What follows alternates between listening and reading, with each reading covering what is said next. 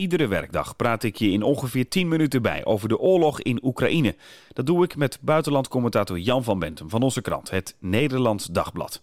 Dit is de update van dinsdag 22 maart. Hoofdredacteur Dmitri Muratov van de Russische krant Novoya Gazeta doneert zijn Nobelprijs voor de Vrede aan het Oekraïense Vluchtelingenfonds. Muratov was vorig jaar medewinnaar van de prestigieuze prijs voor zijn inzet voor de vrijheid van meningsuiting. De opbrengst van de medaille moet ten goede komen aan vluchtelingen, gewonden en zieke kinderen die dringend zorg nodig hebben. En president Zelensky van Oekraïne is bereid om van een NAVO-lidmaatschap voor Oekraïne af te zien als daarmee de oorlog met Rusland stopt. Een middenweg waarin Oekraïne bescherming van NAVO-landen krijgt zonder lidmaatschap is volgens hem ook mogelijk. Hij denkt dat dat voor iedereen acceptabel zou zijn. Hij zei daarover: dat is acceptabel voor het Westen, dat niet weet wat ze met ons aan moeten in de NAVO, voor Oekraïne, dat veiligheidsgaranties wil, en voor Rusland, dat geen NAVO-uitbreiding wil. En nu er steeds meer Oekraïense vluchtelingen naar West-Europa komen, duiken die eerste verhalen over uitbuiting op. Verschillende hulporganisaties waarschuwen ervoor. En daarom heb ik het vandaag met buitenlandcommentator Jan van Bentum over mensenhandel en uitbuiting. Ja, Jan, het aantal kilometers dat vluchtelingen afleggen is enorm. Waar vindt die mensenhandel precies plaats? Nou, op een aantal plaatsen, eh, zeggen bijvoorbeeld UNICEF, maar dat zegt ook de Raad van Europa. Dat is zeg maar het, dus, de organisatie waarin bijna alle Europese landen zijn verenigd, waar Rusland net uit is gestapt. Dus, dus niet de Europese Unie, maar, maar een breder contact.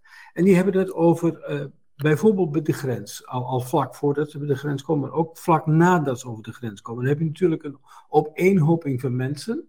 En daarin zijn, uh, ja, het zijn merendeels vrouwen en kinderen. En tegelijkertijd weten we uit alle voorgaande rapporten dat vrouwen en kinderen bij uitstek slachtoffer zijn van mensenhandel. En bijna drie kwart van mensenhandel vindt uh, slachtoffers daarvan zijn vrouwen en kinderen. En als je dan gaat kijken naar de meest recente cijfers, UNICEF heeft daar onderzoek naar laten eh, doen, de kinderrechtenorganisatie van de VN, dan zou dus nu tegenwoordig zo'n beetje 28% van de slachtoffers van mensenhandel uit kinderen bestaan.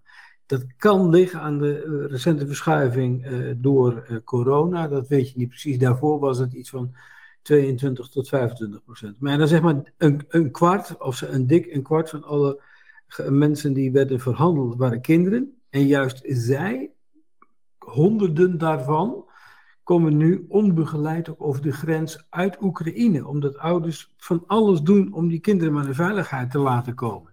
Ik wil het daar zo over hebben, over uh, wat hulporganisaties doen om het te voorkomen. Maar hoe komen ze hier nou precies achter? Want het lijkt me ongelooflijk ingewikkeld om, als je zo'n enorme massa vluchtelingen hebt, nou door te hebben waar precies smokkelaars of mensenhandelaars zitten. En uh, hoe, hoe doen ze dat?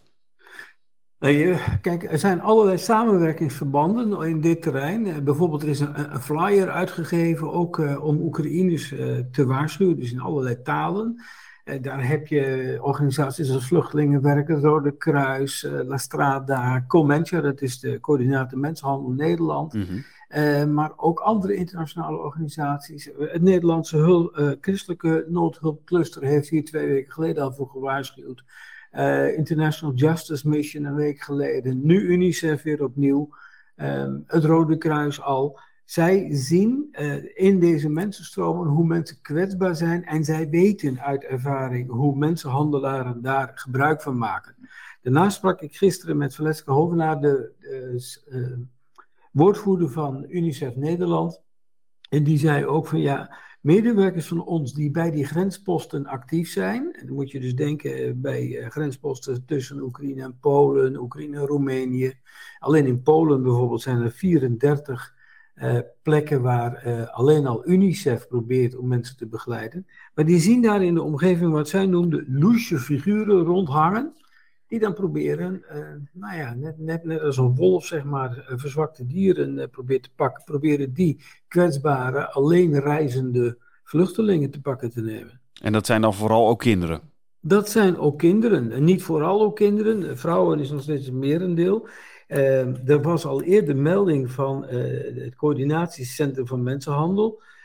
Ina Hut is daar de directeur van. En die zei al, nou, ja, twee weken geleden al van wij hebben signalen te hebben gekregen van mensenhandel in Nederland en ook uit het buitenland, waar op sociale media en dan moet je ook over de dark web enzovoorts denken. Al wordt gevraagd naar Oekse, Oekraïense vrouwen voor de seksindustrie en als huwelijkskandidaat.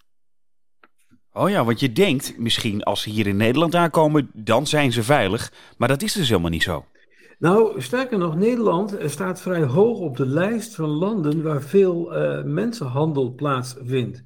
Het zit zelfs in de top 5 zo'n beetje van uh, de, de meldingen van de Europese Commissie over mensenhandel. Uh, omdat ja, we hebben natuurlijk uh, vrij veel havens, we hebben vrij veel doorgang en dergelijke. En dat wordt ook gebruikt door uh, internationale mensenhandelnetwerken. En dan, dan, heb je het ook wel heel sterk over mensenhandel bijvoorbeeld uit Afrika en dergelijke. Denk aan die vluchtelingenstroom die we in 2015 hebben gehad. Daar was ook sprake van vrij grote schaal misbruik van mensen. Even terug naar Oekraïne, de vluchtelingen die daar vandaan komen. Hulporganisaties waarschuwen er dus voor en proberen het te voorkomen. Hoe doen ze dat? Al heel snel heeft de Raad van Europa Europese landen opgeroepen, met name de lidstaten van de EU rond Oekraïne, opgeroepen om onderling gegevens uit te wisselen. Registreer iedereen die binnenkomt, vooral kinderen. Begeleid ze, zorg ervoor dat ze niet uit beeld raken. Kijk of ze familie hebben waar je, uh, waar je ze naartoe zou kunnen sturen of waar je contact mee zou kunnen leggen. Zorg dat ze niet in het niemandsland verdwijnen, want dat is precies waar dus die uh, mensenhandelaren op de loer liggen.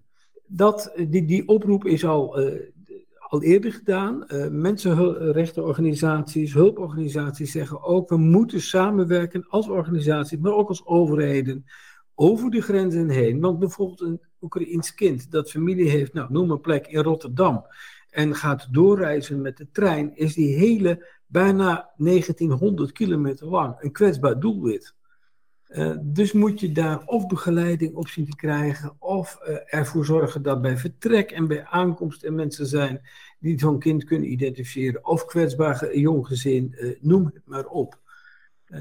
en ja, het gaat nu wel om enorme aantallen. Hè? er, er werd zelfs al gezegd door bijvoorbeeld de Duitse minister van Buitenlandse Zaken Baerbock van we zouden wel eens te maken kunnen krijgen met 8 miljoen Oekraïense vluchtelingen in de Europese Unie enorme aantallen. En jij zei die hulporganisaties proberen dat mensen ja, te volgen, hè, zodat ze weten waar bijvoorbeeld familie is. Hoe werkt dat dan precies? Want dan, nou, ze staan daar denk ik dan bij de grens. Is dat met gebouwen of is dat gewoon alleen met mensen? Ik ga eventjes naar het meest recente bericht. Dat is van UNICEF. Die zegt, we hebben daar wat een heet Blue Dots opgericht. Dat zijn witte tenten. En met blauwe stippen erop. Daar kunnen vrouwen met kinderen naartoe. Daar wordt, daar wordt specifiek hulp aan die kinderen geleverd door UNICEF. Ze worden geregistreerd, ze krijgen informatie. Ze kunnen wat eten en drinken krijgen eventueel. Um, dat soort plekken is heel essentieel in die opvang. Nou, UNICEF heeft er alleen al 34 langs de grens met Polen. Eh, maar ze melden ook dat er al zeker 500 kinderen onbegeleid over de grens met Roemenië zijn gekomen. Nou, die zijn dan al wel geregistreerd, maar hoeveel er ongeregistreerd al binnen zijn, dat weet je niet exact. Je weet dus alleen dat er al letterlijk naar gevraagd wordt. En dat is wel heel akelig hoor. Er is gewoon een markt voor eh, in Europa. Hoe je ook weg wilt kijken. Uh, de laatste rapportage, de derde voortgangsrapportage van het Europese parlement hierover, de Europese Commissie, is van uh, 2021. Dat is een rapport dat is samengesteld in 2020 en dat spreekt erover dat er per jaar toch zeker 15.000 mensen worden geïdentificeerd, geregistreerd als erkende slachtoffers van mensenhandel. Nou, dat is een stipje van de ijsberg. Dat zijn mensen die hebben weten te ontkomen of die zijn ontdekt en bevrijd door de politie. Uh, dat, dit, dat is ook nog eens een toename ook van uh, meer dan 40% vergeleken met 2015. En het is nu nog veel erger natuurlijk met die vluchtelingen. Het is nu waarschijnlijk nog veel erger, ook omdat er een soort stagnatie is geweest door de coronacrisis.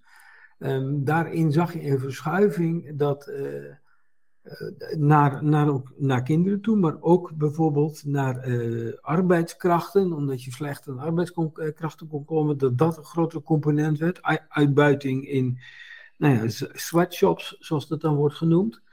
Um, dat gebeurt in het verborgene. Je hebt er gewoon verdraaid slecht zicht op.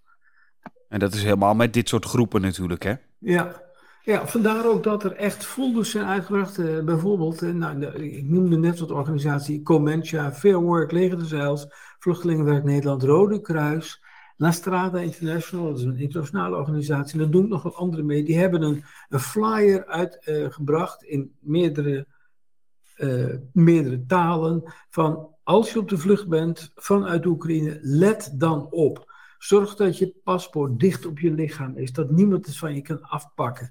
Als je met een taxi meegaat of zo, maak een foto van de licentie van die taxichauffeur. Stuur, die foto naar vrienden of familie die je hebt. Uh, als mensen jou een, een, een, een lift aanbieden, um, maak foto's. En als bestuurders zeggen, ja, maar dat wil ik niet hebben, ga niet instappen. Dat soort zaken allemaal. Ja. Dus je moet, je moet er als vluchteling echt op bedacht zijn van, hey, draait, ik kan nog eens een keer ook in een andere markt terechtkomen. Dat is de verantwoordelijkheid van, van de vluchtelingen en van hulporganisaties vooral. Kan de overheid eigenlijk ook nog wat doen in dit soort zaken? Nou ja, zo snel mogelijk een goede gecoördineerde registratie bij al die grensovergangen verzorgen, maar ook onderweg. Uh, uh, meer aanwezig zijn bijvoorbeeld op grote treinstations waar, waar uh, reizigers langskomen. Stel bijvoorbeeld, je hebt een trein die richting Berlijn doorrijdt of richting, nou, noem maar Nijmegen of een andere plek, zeg maar vlak bij de, bij de grens. Dat je ervoor zorgt dat er iets meer aanwezigheid is van, van autoriteiten, van politie, zodat je nou, de loesje figuren waar UNICEF over sprak, zodat die minder kans maken. Is uh, ingewikkeld om uh, dit probleem aan te pakken. Nou ja, ingewikkeld. Het is, je moet praktische maatregelen nemen. Je moet er echt op bedacht zijn. En wat dat betreft zie je dus dat er wel degelijke uh, hoe heet het, aandacht voor is. Ook door de staatssecretaris van, de, van Asiel en Migratie, Erik van den Burg. ook door andere organisaties in Nederland. En dat dat is al het belangrijkste. Dat mensen in de gaten hebben van, hey, dit kan gebeuren. Laten we er alert op zijn. Laten we mensen beschermen. Dit was hem voor vandaag. Mocht je een vraag hebben voor Jan of willen reageren, dat kan via oekraïne.nd.nl. Een nieuwe update staat morgen om 4 uur weer voor je klaar.